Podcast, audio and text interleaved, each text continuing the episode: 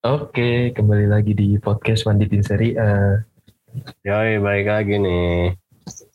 Kali ini kita kedatangan tamu. Lo ya, akhirnya ya setelah berapa kali janjian approaching, uh, approaching janjian.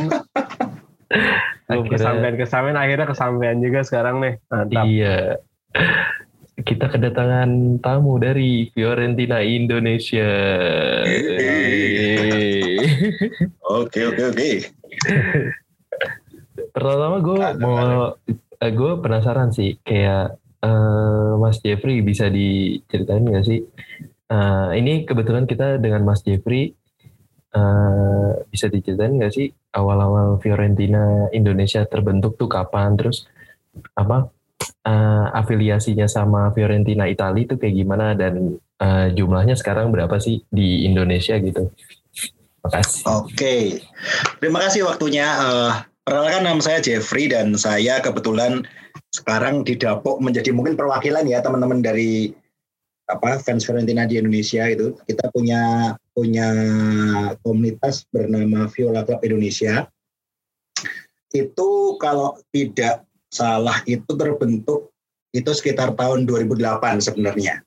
Secara resminya 2008. Jadi tanggal 1 Juni 2008 itu dari dulu mungkin ada berapa ya 13 orang sebenarnya kita mailing list gitu aja dulu kan pakai apa namanya uh, dulu kan belum zaman WA belum ada yeah. ya jadi uh, ya, belum. jadi masih masih email emailan aja gitu oh. kaskus dan segala macam gitu oh, dan iya, dulu uh, uh, dulu awalnya itu namanya bukan Viola Club Indonesia tapi fans Fiorentina eh Fiorentina Fans Club Indonesia FFCI dulu.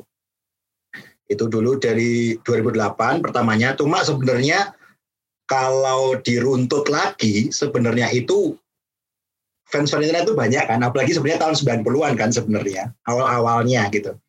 Tapi mungkin baru karena kita ada mulai internet mulai masuk baru zaman tahun 2005-an gitu barulah 2008 itu terbentuk itu pertama kali dan itu sekarang uh, alhamdulillah puji Tuhan itu sekarang sudah berapa berarti ya? Kita habis ulang tahun yang ke-13 kemarin. Wih, selamat. ulang tahun. Walaupun, walaupun mungkin kalau orang bilang kan, kalau fans club mungkin Juventus banyak, kalau Milan banyak, Inter Milan, uh banyak banget. Fiorentina siapa yang tahu? Kalau mas. iya kan, iya kan. Iya, iya. Yang tahu, cuma ya ya kami mencoba bertahan sih uh, bikin gatnas dan segala macam sekarang itu kalau yang terdaftar kalau secara komunitas kita mungkin ada mungkin lebih dari 3.000 4.000 orang iya tapi yang sudah terdaftar sudah terdaftar resmi ke Italia itu baru 500-an oh uh, uh, karena karena kan kalau daftar ke Italia itu kan kita uh, ini ya ada membership segala macam gitu ya Iya, iya betul. Nah, dan itu cuma dapat jatah kita tuh bukan tidak ditarget berapa tapi malah dapat jatah jadi nggak bisa banyak-banyak setiap tahunnya. Jadi setiap oh. tahun cuma bisa nambah maksimal 50 orang gitu. Jadi hmm. kita bertahap kan dan kita baru baru dapat afiliasi itu sekitar ya setahun dua tahun inilah kita karena kemarin pertama kita bisa masukin orang 100 gitu sekarang bertahap sedikit sedikit sedikit sedikit.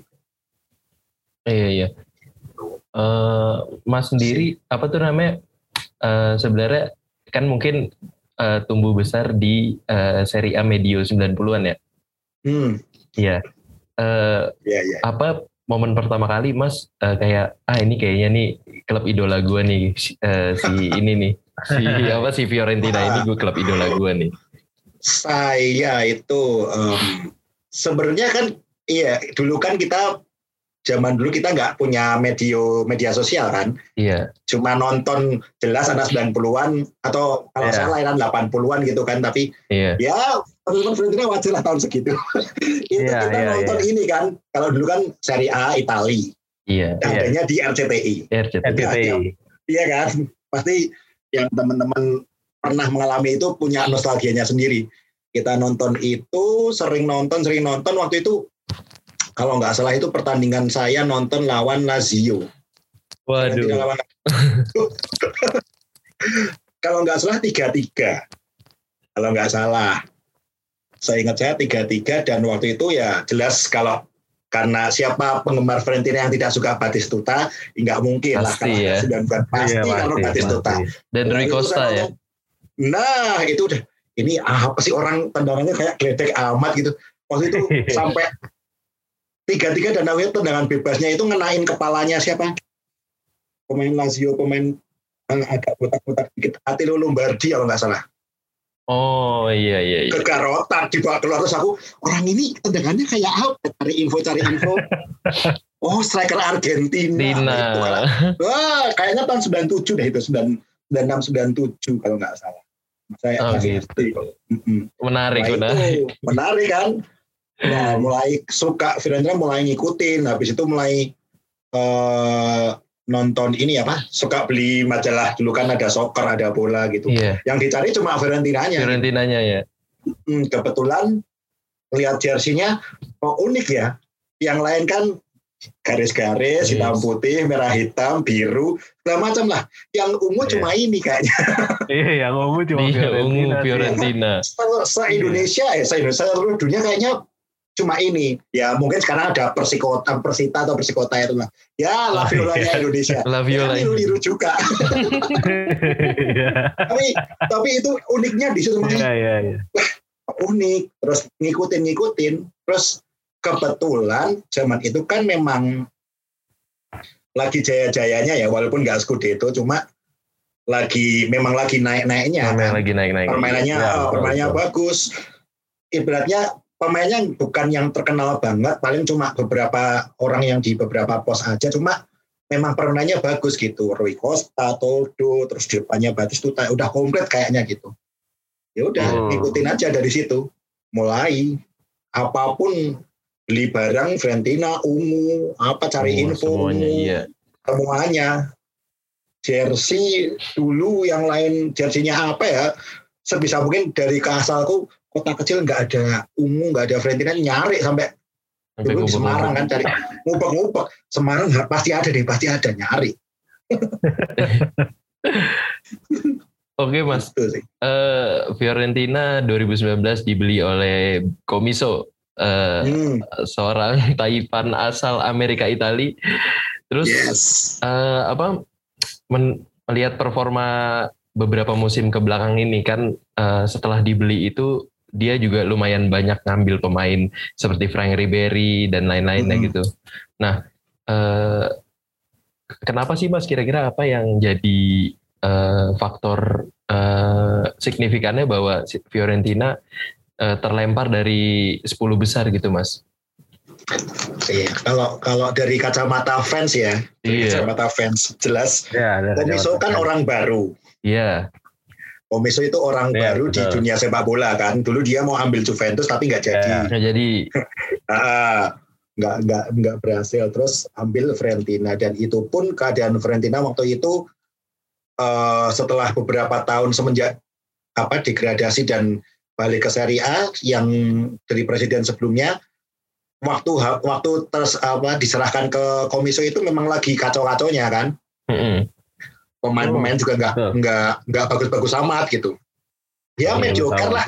mediocre ke bawah. Iya. ya, ya kita fans apa adanya tapi ya memang mediocre gitu waktu itu. Pokoknya nggak bagus-bagus amat. Ya, dan boleh dibilang kayak beberapa klub Italia yang punya pemain bagus pasti cuma sebentar dan pasti dijual pasti dijual gitu kan. Yang ya yang beberapa tim terkenal Italia kan ya, ya kayak gitu modelnya. Kayak termasuk Chiesa ya. Iya, iya, itu apalagi itu. Wah, nanti, bahas, nanti, nanti kita nanti kita bahas itu. Nanti kita bahas yang itu. tapi tapi uh, ya Komiso datang memberi waktu dia datang kan kita kita sebenarnya dulu harapannya yang beli orang Arab aja lah daerah Arab Arab itu kan kayak yeah. pengennya kayak Manchester City cuma ternyata yang datang Amerika Italia oke okay lah dan dia dikatakan katanya uh, jutawan gitu dari dari Amerika gitu kan dia punya media kom di sana kan. Uh, uh, besar banget gitu dananya dan anggapannya oh oke okay nih oke okay nih. Ketika dia ambil Frank Ribery sebenarnya kita masih enggak kita masih senang-senang aja karena menurut kita ya walaupun dengan usia tua memang Fiorentina butuh seseorang yang uh, bisa ngangkat tim dulu gitu kan. Kita butuh sosok. Selama ini kan uh, apa namanya ya terlalu berat kalau ditanggung sama pemain-pemain muda gitu. Kayak Ciesa kan belum belum kuat gitu sebenarnya. Belum matang secara secara mental belum matang. Mungkin teknik sudah mulai bagus tapi mentalnya belum. Nah waktu ambil Ribery kita menyangkanya itu adalah pembelian pertama bintang dan mungkin akan menarik bintang yang lain. Mungkin hmm. gitu kan. Oh. ternyata ya itu paling paling mentok bintangnya dari zaman komiso jadi menurut kita dia masih berbisnis ya mungkin ya jadi belum belum total total uh, ya apalagi kalau kalau bilang Liga Italia mungkin nggak ada yang instan kan kalau di Italia sekalipun hmm. sekalipun uh, dia ada klub yang jor-joran belum tentu juara karena ada klub-klub lain yang memang sudah mapan duluan gitu. Iya betul. Uh, kayak yeah, Juventus, Juventus dan uh, uh, kalau kemarin si Inter bisa dapat kan juga karena prosesnya nggak setahun. Prosesnya nggak ya, setahun ya, ya benar-benar. Nah, ya betul. Bertahan betul. dengan Conte berapa tahun walaupun pertama agak ya meningkat tapi belum bagus belum bagus di musim ke kedua atau ketiga ya dia baru dapat seperti itu. Mm-hmm. Jadi uh, itu mungkin yang membuat kita, eh, membuat komiso mungkin masih berhitung. Iya. Jadi mm. dan dia pun sebenarnya langkah bisnisnya juga agak-agak agak di luar konteks gitu. Kalau orang lain, kalau presiden lain mungkin langsung beli jor-joran pemain, dia idenya adalah membangun stadion dan apa namanya pusat pelatihan primavera apa youthnya dulu gitu loh. Oh, Jadi gitu. dia malah berpikirnya jauh jauh pengen membentuk timnya itu dari dari lingkungannya dulu gitu. Benar-benar dari dasarnya dulu ya. Nah, uh, jadi bukan instan yang dari pondasinya betul. Yang betul, di... bukan bukan yang langsung uh, beli pemain jadi dan ya yang terjadi mungkin sekarang jadi terseok-seok juga gitu. Yang apalagi dengan pemilihan ya dalam tanda kutip pemilihan pelatih yang menurut saya karena dia belum belum ngerti sepak bola Italia, langsung masuk ya udah dari pelatih ya seadanya yang mungkin dibilang CLBK seri 2 seri 2 ya? gitu iya. iya bahkan ya dulu kan Montella Montella udah pergi disuruh balik lagi iya. sebentar nggak berhasil udah terlalu lama udah mainnya jelek dan lama dia nggak mau ambil ambil ini baru beberapa pertandingan terakhir diganti Pak Topito Yacini. Yacini cuma hmm. di ternyata kita pikirnya cuma caretaker sebentar ternyata dilanjutkan. Di awal musim kemarin ganti sama Prandelli. Prandelli, Prandelli, Prandelli dulu sih jago dulu. Dulu. Yang bawa iya kan dulu. Yang bawa, bawa, bawa tiket Champions League dulu kan sampai Champions League. Champions League. Oh jelas dia juara iya. grup bahkan sampai dia juara grup ngalahin, ngalahin Bayern Munchen kan. Liverpool, kan? Bayern Munchen segala macam iya. Tapi kan itu dulu. Dia udah dulu. apa namanya latih Italia juga ya gitu. Habis itu ke Genoa dan segala macam. Mm-hmm. Yang diambil dia. Ya kita waktu itu masih berharap nostalgianya. Uh, yeah. oke, okay, Prandelli balik nih. Oke, okay. ternyata ya ya gitu-gitu ya, aja. Gitu juga. Malah, uh, uh, karena menurut saya um, yang rusak adalah karena dari segi transfer pemain, dari ya apa ya, ya kita nggak nggak nggak bisa mengharapkan seorang Ribery untuk jadi leader ketika yang lain nggak bisa nyanyi apa nyamain dia juga. Ribery juga udah nggak muda lagi kan di lapangan dia nggak akan bisa tahan 90 menit. Jadi benar, benar. kita butuh sosok. Kalau dulu zaman Batistuta kelihatan banget Batistuta nggak ada, masih ada Rui Costa nih. Iya. Masih ada ada sosok yang bisa mimpin walaupun habis itu iya. kita dan dia harus dijual. Cuma sekarang ya sekali lagi bola kan walaupun dibilang sebuah tim tapi harus tetap ada sosok yang bisa di diajukan gitu. iya. dan itu nggak nggak ada sampai sekarang di Fiorentina belum ada sih. Iya iya. Yang digadang-gadang mau jadi malah ya. Ya cabut. oh, sakit hati benar itu. Terus pe penunjukan Gattuso musim ini musim untuk musim depan gimana nah, itu? Ini ini ini termasuk salah satu hal yang kalau buat teman-teman PCI ada yang mendukung, ada yang enggak. Iya. Hmm. Jelas kan, kan selera yeah. ya. Iya. Karena waktu itu nama yang muncul adalah Sari, Spalletti, iya. terus ya nama-nama yang memang oke okay gitu. Bahkan top lah, nama-nama top lah. Nah, gitu. Kalau kalau Gattuso ya oke okay, dia di Milan sampai peringkat berapa, Napoli kemarin juga walaupun nggak masuk Champions tapi permainnya stabil dan meningkat juga gitu. Cuma ya karena karena kalau saya pribadi juga saya sih nggak terlalu berharap dulu lah, masih ngelihat dulu karena hmm. sekalipun pelatihnya seperti apa, kalau pemainnya juga tidak tidak klop dan pemain yang ada ini masih dipertahankan, saya nggak akan maju sih. bukan bukan bukan pesimis tapi realistis sih kalau aku niatnya. ya yeah, pemain pemain yang ada tuh bukan bukan pemain bintang, bukan untuk level lima besar enggak. Ini levelnya mentok 10. Belum belum nyampe ke Liga Eropa aja belum. Iya, setuju sih, setuju sih. Karena kalau misalnya dilihat iya. juga sih kalau musim ini ya uh, hmm. hanya mungkin segelintir doang yang bisa dikatakan uh, stabil stabil ke atas lah. Contohnya yeah, kayak benar. si Castrovili, kayak hmm. Dusan Vlahovic juga. Yeah. Nah sisanya tuh kayak ya udah ya ya ya yang enggak enggak aja. Iya pelengkap tim aja pelengkap tim aja gitu. Cuma butuh pemain sebelas ya sebelas orang ya terpaksain lah. Iya iya. Dicocok cocokin aja kan gitu. Ya begitulah keadaannya. Cuma ya itu kalau kedatangan Gattuso buat kami ya kita ya angin baru lah. Minimal harapan kita ya harapan kita melihat pelatih yang dalam tanda kutip punya ketegasan sedikit. Mungkin, mungkin. Kalau dulu kan karena dia terkenalnya dulu punya emosi yang gede itu mungkin teriak-teriak yang dan gimana mungkin agak agak membangun mental pemain. Soalnya kalau yang musim kemarin itu kita bilang ya tanda tanda kutip lembek pemainnya. Jadi nggak nggak Spartan gitu.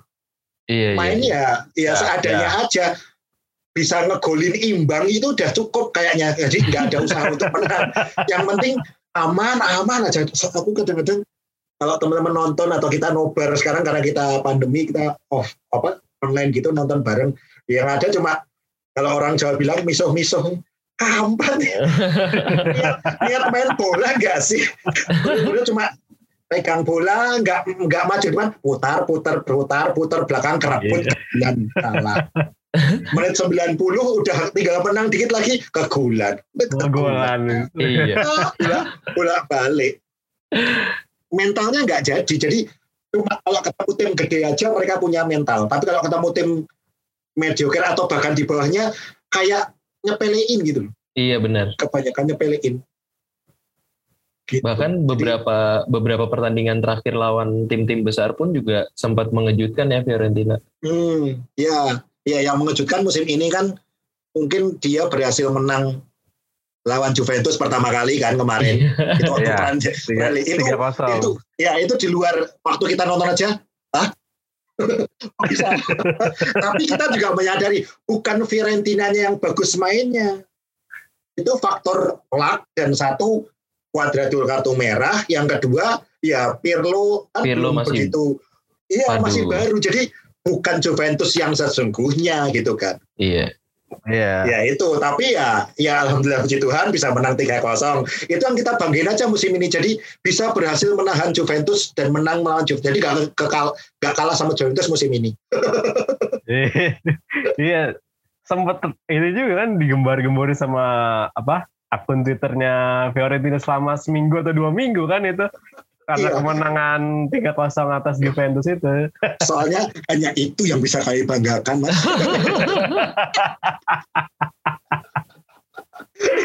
Mau dibanggakan apa iya. lagi ya? Cuma itu. Kalau yang terakhir dia menang lawan Lazio itu juga menurut kita agak mengagetkan. Jadi mungkin karena karena mesinnya udah panas ya, apalagi Vlahovic yang terakhir-terakhir emang dia udah mesinnya panas, udah memang nggak nggak oh, iya. mungkin. Tapi di awal dulu kan siapa yang mengira gitu loh. Siapa yang hmm. mengira Vlahovic bisa masuk gitu. Orang musim kemarin dia cuma lima gol. Persta ada yang ditanyain Persta? Ya paling ini sih masih menyinggung soal ini rivalitas Fiorentina Juventus karena begitu apa syarat emosinya juga kemarin tuh menang 3-0 begitu begitu senangnya gitu fans Fiorentina akun Twitternya Fiorentina ketika menang 3-0 di Juventus Stadium sebenarnya ada apa sih antara Fiorentina sama Juventus tuh rivalitas apa yang terjadi itu gitu Oke. Okay. Sebegitu fans apa benci fans Fiorentina terhadap Chiesa yang tiba-tiba pindah ke Juventus gitu. Sebenarnya kalau kalau masalah masalah kalau kita ya fans di Indonesia apalagi di Indonesia itu kan sebenarnya kebawa ya kebawa dengan apa namanya kualitas mereka di sana iya, kan waktu yang di sana. Uh, yang di Italia asli gitu. Jadi mungkin dulu karena ya kita juga ah, zaman aku masih bayi mungkin zaman Baggio pindah ke ke mana ke Juventus. Segala macam tapi mungkin ya sebenarnya bukan bukan Fiorentina aja. Sekarang mungkin teman-teman selama 9 musim terakhir Milan, Inter juga mungkin kalau melihat Juventus kapan nih bisa lewat bisa menjungkalkan dari puncak gitu kan. Uh, hmm. Itu sih cuma kalau kalau yang ini sebenarnya kalau buat teman-teman Fiorentina sendiri adalah karena mungkin uh, ya karena kita terpengaruh yang di luar dan yang kedua mungkin adalah banyak pemain Fiorentina yang sudah jadi bintang atau bahkan siap jadi bintang perginya nggak nggak ke mana-mana larinya mesti ke Juventus Oh, Dan gitu. itu kita sering-sering banget diambil seperti itu gitu kan. Dulu uh, siapa? Ya itu Baggio kalau mungkin zaman-zaman awal dulu lah. Baggio terus hmm. mungkin yang yang beberapa musim terakhir Bernadesi walaupun di Juventus sendiri dia ya. mungkin teman-teman Juve bilang Lord termasuk salah satu Lord. Iya, Lord Lord juga. Lord kan. Tapi tapi sebenarnya yeah. ya dia sebenarnya bisa main bagus mungkin nggak dapat kesempatan atau gimana atau belum adaptasi cuma waktu itu kan dia termasuk ikonnya Fiorentina tuh pindah ke Tujuh. Juventus yang terakhir ini si anak durhaka satu ini Biasa ini. Coba ada ada keluh kesah apa mas dengan Federico ini nih? Sebenarnya ini ya karena dia sempat ngomong di awal musim dia nggak akan pindah. Dia kan sudah Dan janji. Daulat jadi kapten juga kan? Daulat jadi kapten, dia jadi gini, satu keluarga Chiesa itu semua lahir apa? Enrico Chiesa main di Parma sama Fiorentina dan menonjolkannya kan di dua itu kan Parma sama orang tuanya itu kan ayahnya. Anaknya dari Primavera dari kecil udah di Fiorentina, adiknya pun di Primavera dari Fiorentina. Gitu. Dan mereka tumbuh di situ gitu. Jadi harapan kita mungkin kan pengennya jadi sosok simbol oh ini kota Florence tuh muncul ini gitu lah. Tapi mungkin ya, ya sekarang kita juga nggak nggak munafik ya pemain sekarang kan nggak melihat nggak melihat latar belakang, tapi ngeliatnya memang cuan kan sekarang. Ada yeah. bayaran yeah, berapa sih. lebih bagus, tawaran lebih oke, okay, kesempatan main walaupun kesempatan main mungkin waktu di di Juventus pertama kali kemarin Ciesa mungkin nggak nggak begitu bagus karena dia jelas bersaing dengan banyak pesaingnya. Cuma uh, mungkin tawaran lain bisa main di Liga Champions dan segala macam kan itu termasuk pencapaian untuk pemain ya. Ya itu yang bikin mungkin pemain mudah ke sana. Dan dan teman-teman Fiorentina atau teman fans itu kenapa nggak suka Juventus? Ya karena ya banyak hal itu. Ya mungkin ya kalau di Italia kan ada ada anggapan gitu. Juventus kekasih wasit dan segala macam. Ya beberapa kali kita kadang-kadang ya terjadi oh karena kalau kita kesenggol dikit pemain kita disenggol nggak kena orang ah kita malah kita yang dikertu. Kalau mereka aman-aman aja ya kadang-kadang itu mungkin kecemburuan hal yang seperti itu yang yang bikin sebenarnya bukan cuma fans Fiorentina tapi hampir semua fans di mana pun Liga Italia kalau melihat itu agak-agak nggak suka gitu. Iya. cuma ya mungkin mungkin bibitnya itu atau mungkin contoh yang paling gampang ya kalau di Italia sendiri kan awalnya karena dulu yang Baggio dan segala macam terus zaman harusnya Fiorentina Scudetto ternyata uh, Juventus dapat penalti sebenarnya Fiorentina uh, dulu penalti apa golnya dianulir gitu. Jadi tahun 82 atau 83 waktu Juventus Scudetto. Itu mungkin uh, yang menyebabkan sekarang tradisinya kalau ada pemain Juventus pindah ke Fiorentina itu ada semacam tradisi disucikan Hmm, ya, ya. Kalau, okay. nah, ada penyuciannya. Kalau orang-orang ya, Italia bilangnya Diego Visione. Tapi kalau orang ya, orang kalau dari pemain ah, kalau pemain Fiorentina keluar, kita udah anggap wah udah itu udah pengkhianat udah. Pengkhianat. Kasus kalau dia kalau dia ini ya lari ke klub lain dulu terus ke Juventus itu agak agak bisa diterima gitu. Kayak Cuadrado dia kan dijualnya ke Chelsea. Chelsea. Jadi masih ya. masih ada anggapan ya oke okay lah nggak apa-apa. Tapi kalau kayak yang pembelot langsung itu kadang-kadang memang ya kayak kayak inilah kayak Madrid sama Barcelona, Vigo pindah ya jadi masalah. Itu gitulah. Ya. Hmm. Walaupun kadang-kadang saya saya saya pribadi pun sadar kita nggak nganggap Juventus musuh, tapi Juventus nganggap kita musuh nggak ya? Biasa aja. Orang nggak nggak bisa bersaing. Kadang-kadang ya kan kalau mau kalau mau fair ah orang di kalian aja nggak bisa bersaing ngapain dia nggak ya juga sih. Nah ya gitulah. Mantap ya rivalitas antara Juventus dan Fiorentina ini. iya, iya. Kacau juga ternyata. Uh, ada semacam ritual penyucian diri ya kalau misalnya yeah. dari pemain Juventus ke Fiorentina ya sebutannya Benar. Dego Bizazione. Dego Bizazione nah, ya. Nah ya itu. Uh, terus kan sempat ada beberapa pemain Juventus juga kan yang uh, pindah ke Fiorentina. Salah hmm. satunya mungkin ada yang paling terkenal ada Angelo Di Livio. Betul. Nah itu ketika Fiorentina bangkrut di tahun 2002 cuma Angelo Di Livio yang bertahan nih bertahan. sampai mengantarkan kembali ke balik ke Serie A, Serie A di Betul. tahun 2004 2005 gitu. Uh -uh. Ada kesan apakah Mas terhadap uh, sosok Angelo Di Livio yang sem, uh, sebenarnya dia adalah legenda di Juventus tapi juga Betul. merupakan pahlawan untuk iya. Fiorentina yeah. gitu.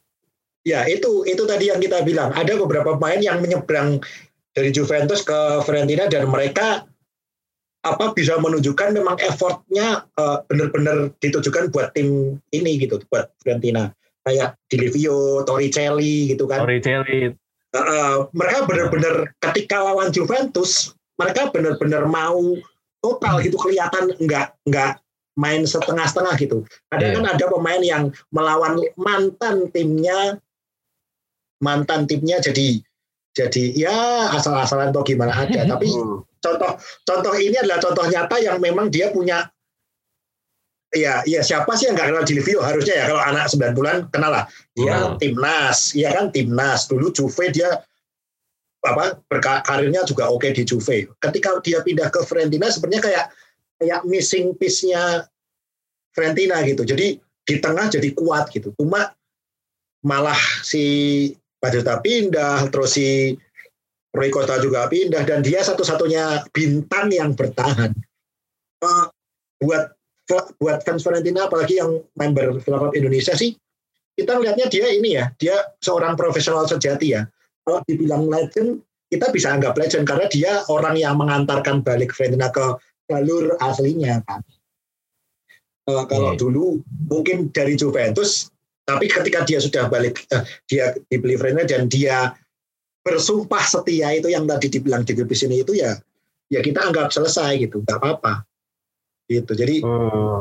ya memang memang tantangannya adalah pemain-pemain yang pindah dari Juventus ke Fiorentina harus merasakan tekanan apalagi biasanya kalau dari uh, ultrasnya di sana ya saya merasakan sendiri gimana mereka mengintimidasi pemain lawan gitu jadi kadang-kadang gila ini kalau di Indonesia udah kayaknya udah perang. Lempar-lemparan botol bir segala macam gila. Itunya mantap terus mas uh, kan baru-baru ini di Netflix ada uh, filmnya Bajio nih. Di situ oh, dia juga ya. diceritain di Fiorentina. Uh, coba dikit mas. iya sih coba dikit sih karena dia yang cedera itu akhirnya dia pindah kan. Sebenarnya tuh si Bajio itu di Fiorentina itu untuk uh, fans sendiri tuh gimana sih? Karena dia kan memang ya salah satu orang yang paling dihormati juga lah di di sepak bola Italia hmm. gitu. Dan yeah. dia juga sempat membela Fiorentina walaupun setelah itu tahun 90 dia cabut ke Juventus ya. Juventus. Iya. Yeah. Hmm. Itu menurut fans Fiorentina sendiri tuh gimana sih kalau sosok Baggio itu? Ya, kalau kalau jelas kalau Om kalau Baggio ini kita anggap tetap legend ya. Kalau kalau orang bilang sih nggak usah ngomong Fiorentina sebenarnya dia legend Italia gitu aja. Jadi hmm. kita lebih menghormati itu karena kebanyakan teman-teman member kan waktu itu mungkin belum ngikutin. Cuma kalau ngelihat apalagi waktu saya ke sana eh, di di Florence itu orang masih masih ada lukisan-lukisan atau mural-muralnya Baggio masih ada di, di sekitar Artemio Franchi. Terus mereka masih menganggap dia salah satu dewa kayak kayak gini bandingannya kayak Maradona di Napoli. Uh, Napoli. Kan zamannya sama tuh. Iya. Sekitar-sekitar itu kan. Jadi orang sana itu masih menganggap itu simbol perlawanan gitu. Simbol hmm. perlawanan, simbol perlawanan Fiorentina terhadap tim-tim di selatan. Oh, oke okay, oke. Okay. Eh, oh, tim selatan apa? Tim utara sama selatan iya, iya, iya. di tengah. Utara sama selatan. Milan, Inter di atas sama apa di itu dari Turin gitu. Uh, jadi simbol perlawanan gitu. Jadi uh, ketika dulu dibeli pun kan makanya dulu kan ada kerusuhan gitu kan di Florence. Dan itu masih ada. Waktu datang ke Florence itu saya masih ngelihat ininya dioramanya gitu. Ada ada yang mengabadikan gitu di di depan stadion. Ada kafe gitu khusus untuk menggambarkan hmm. ini yang terjadi gitu di Fiorentina tahun 90 ketika si Baggio pindah ke Juventus. Gara-gara itu dia Florence kerusuhan ada oh. ada lukisan-lukisannya uh, ngeri. Iya karena waktunya udah mau habis nih dari zoomnya nih.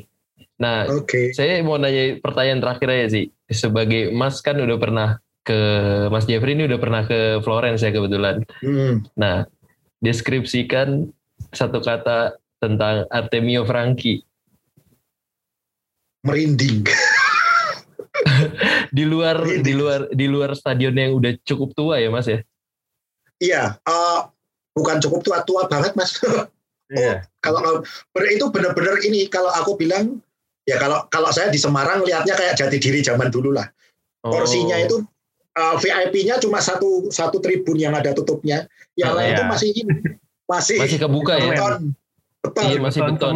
Yes, persis kayak stadion Indonesia lah iya, soalnya kemarin kan di di sempat beredar tuh waktu video Artemio Franky itu ada yang nyorot dari dalam itu dia apa bocor kan oh, dari tribun itu ya. Udah retak-retak iya. iya. Udah retak-retak bener. Makanya ada rencana untuk bangun itu kan. Cuma ya itu uh, kalau dari segi karena saya fans ya mungkin datang ke sana ya merinding waktu pertama kali gila ini akhirnya nyampe gitu kayak ibaratnya kayak orang berangkat umroh atau haji nyampe yeah. gitu kan. Cuma iya kalau secara realita memang sangat tertinggal. Saya sempat ke Milan ke San Siro Giuseppe Meazza sama ke Turin. Lihat lihat yang punya Juventus. Jadi ketinggalan jauh. Jauh sekali. Yeah. jadi memang kuno. Memang itu kan kuno, kota ya? iya karena menurut saya kan emang Florence itu dijualnya karena kota yang kuno. Yang tua kan? ya, kota kuno ya. oh tua. iya. Uh, terkenalnya karena tahun zaman medievalnya tahun 1500-an gitu. Jadi itu yang dijual dari kota Florence dan mungkin itulah mengapa sampai sekarang belum ada ini, belum Mau Jironov aja nggak boleh iya. kan? Oh pemugaran aja nggak boleh ya? Nggak boleh karena cagar budaya. Cagar oh, budaya udah yang dianggap ya. Cagar budaya karena itulah ada rencana membangun stadion baru. Stadion yang baru walaupun jaraknya mungkin 20 kilo 30 kilo keluar arah keluar kota. Hmm. hmm. Ada wacana cuma, gitu juga ya. Uh, cuma kalau yang Flores itu memang di tengah kota, Mas. Benar-benar di pusat kota. Jadi kalau oh. kalau dari Duomo pusat kota jalan kaki paling ke ke stadion itu cuma 20 menit jalan kaki. Oh, gitu. Oh, emang benar-benar di pusat bener -bener, kota ya pusat kota. Zaman dulu mungkin kotanya kan nggak gede ya. Iya. iya. Jadi kalau kota jadi itu memang uh, uh, udah ditaruh di situ mungkin. Uh, Oke deh mas. Ada yang mau dipromosiin nggak tentang uh, fans club uh, Fiorentina Yolah, ini. Mungkin ada teman-teman pendengar kita yang mau gabung. ya teman-teman yang mau bergabung atau mungkin mau inilah mau ya ngobrol-ngobrol bareng gitu. Mungkin tanya-tanya kenapa masih ada orang yang suka Fiorentina. silakan, silakan hubungin kami aja lewat medsos bisa di Twitter Fiorentina Indonesia terus di Instagram Fiorentina Indonesia juga, uh, Facebook juga Fiorentina Indonesia. Kita Viola Club Indonesia sekarang sudah terafiliasi dengan uh, asosiasi tifosi Fiorentina di Italia langsung. Wih, Dan kita dia. salah satu salah satu uh, fans club yang dalam di luar Italia yang terbesar hitungannya komunitasnya oh. yang punya kegiatan. Okay. Jadi di di seluruh dunia hanya ada dua biasa ada dua yang agak gede di Indonesia. Sama Cina bukan? Sama Cina. Nah, nah soalnya Lazio dan Sampdoria gede. juga gitu ya tak? Iya. Iya, Sampdoria begitu juga. Di Cina juga dia terbesar. Di Cina. Ya. Iya, kalau itu sih wajar ya, karena kan Cina pangsa pasarnya emang gede banget kan. Iya sih. Ya, iya. Siapa yang nggak kenal tahun 90-an pemain-pemain apa Italia siapa yang nggak tahu lah pasti sangat-sangat berakar di sana. Jadi iya, iya. komunitas yang tergede di Indonesia sama di Cina itu memang. Gitu. Oh gitu. Oke deh Mas Jeffrey, terima kasih nih ya. waktunya. Terima kasih Mas Sama. Jeffrey waktunya. Mungkin next time kita bisa ngobrol-ngobrol lagi. Oh siap. Iya. Siap. Kalau Italia saya mudeng banget tuh. Tapi kalau yang Inggris segala macam ya cuma ngikut-ngikutin doang atau kalau Italia ya, ayo. kita sama mas berarti mas. ya, yang kita ini ayo kita hajar. Ayo. Iya ayo kita hajar. Yang lain oh, mah. klub lain juga oke. Okay. itu mungkin ciri khasnya supporter-supporter Italia ya. Jadi nggak cuma tahu satu klub doang gitu, klub kecintaannya iya. doang gitu. Klub-klub lainnya juga klub pasti lain ngikutin. Pasti tahu, iya. Hafal gitu. Pasti. Atau bahkan klub-klub kecil yang sekarang udah di seri C, seri D, mana ya kak naik-naik gitu kan. nah iya yang dulu sempat gitu. main di seri A gitu kan. Seperti Ascoli. Ascoli, Hernanda, Hernanda, Messina, Katania, Salernitana, Katania, wah banyak. Pia Kenza. Pia Kenza, ya gitu-gitu Luar biasa. Oke deh. Oke, terima kasih Mas Fahri, Mas Firsta. Iya. Ya, terima kasih Mas Jebri sudah main-main ke sini. Sama-sama, terima kasih waktunya. Ya. Oke deh, gua Fahri cabut. Gua Firsa cabut. Mas terima Jeffrey? kasih, saya Jeffrey juga. Terima kasih. Oke. Oke, bye-bye. Bye-bye.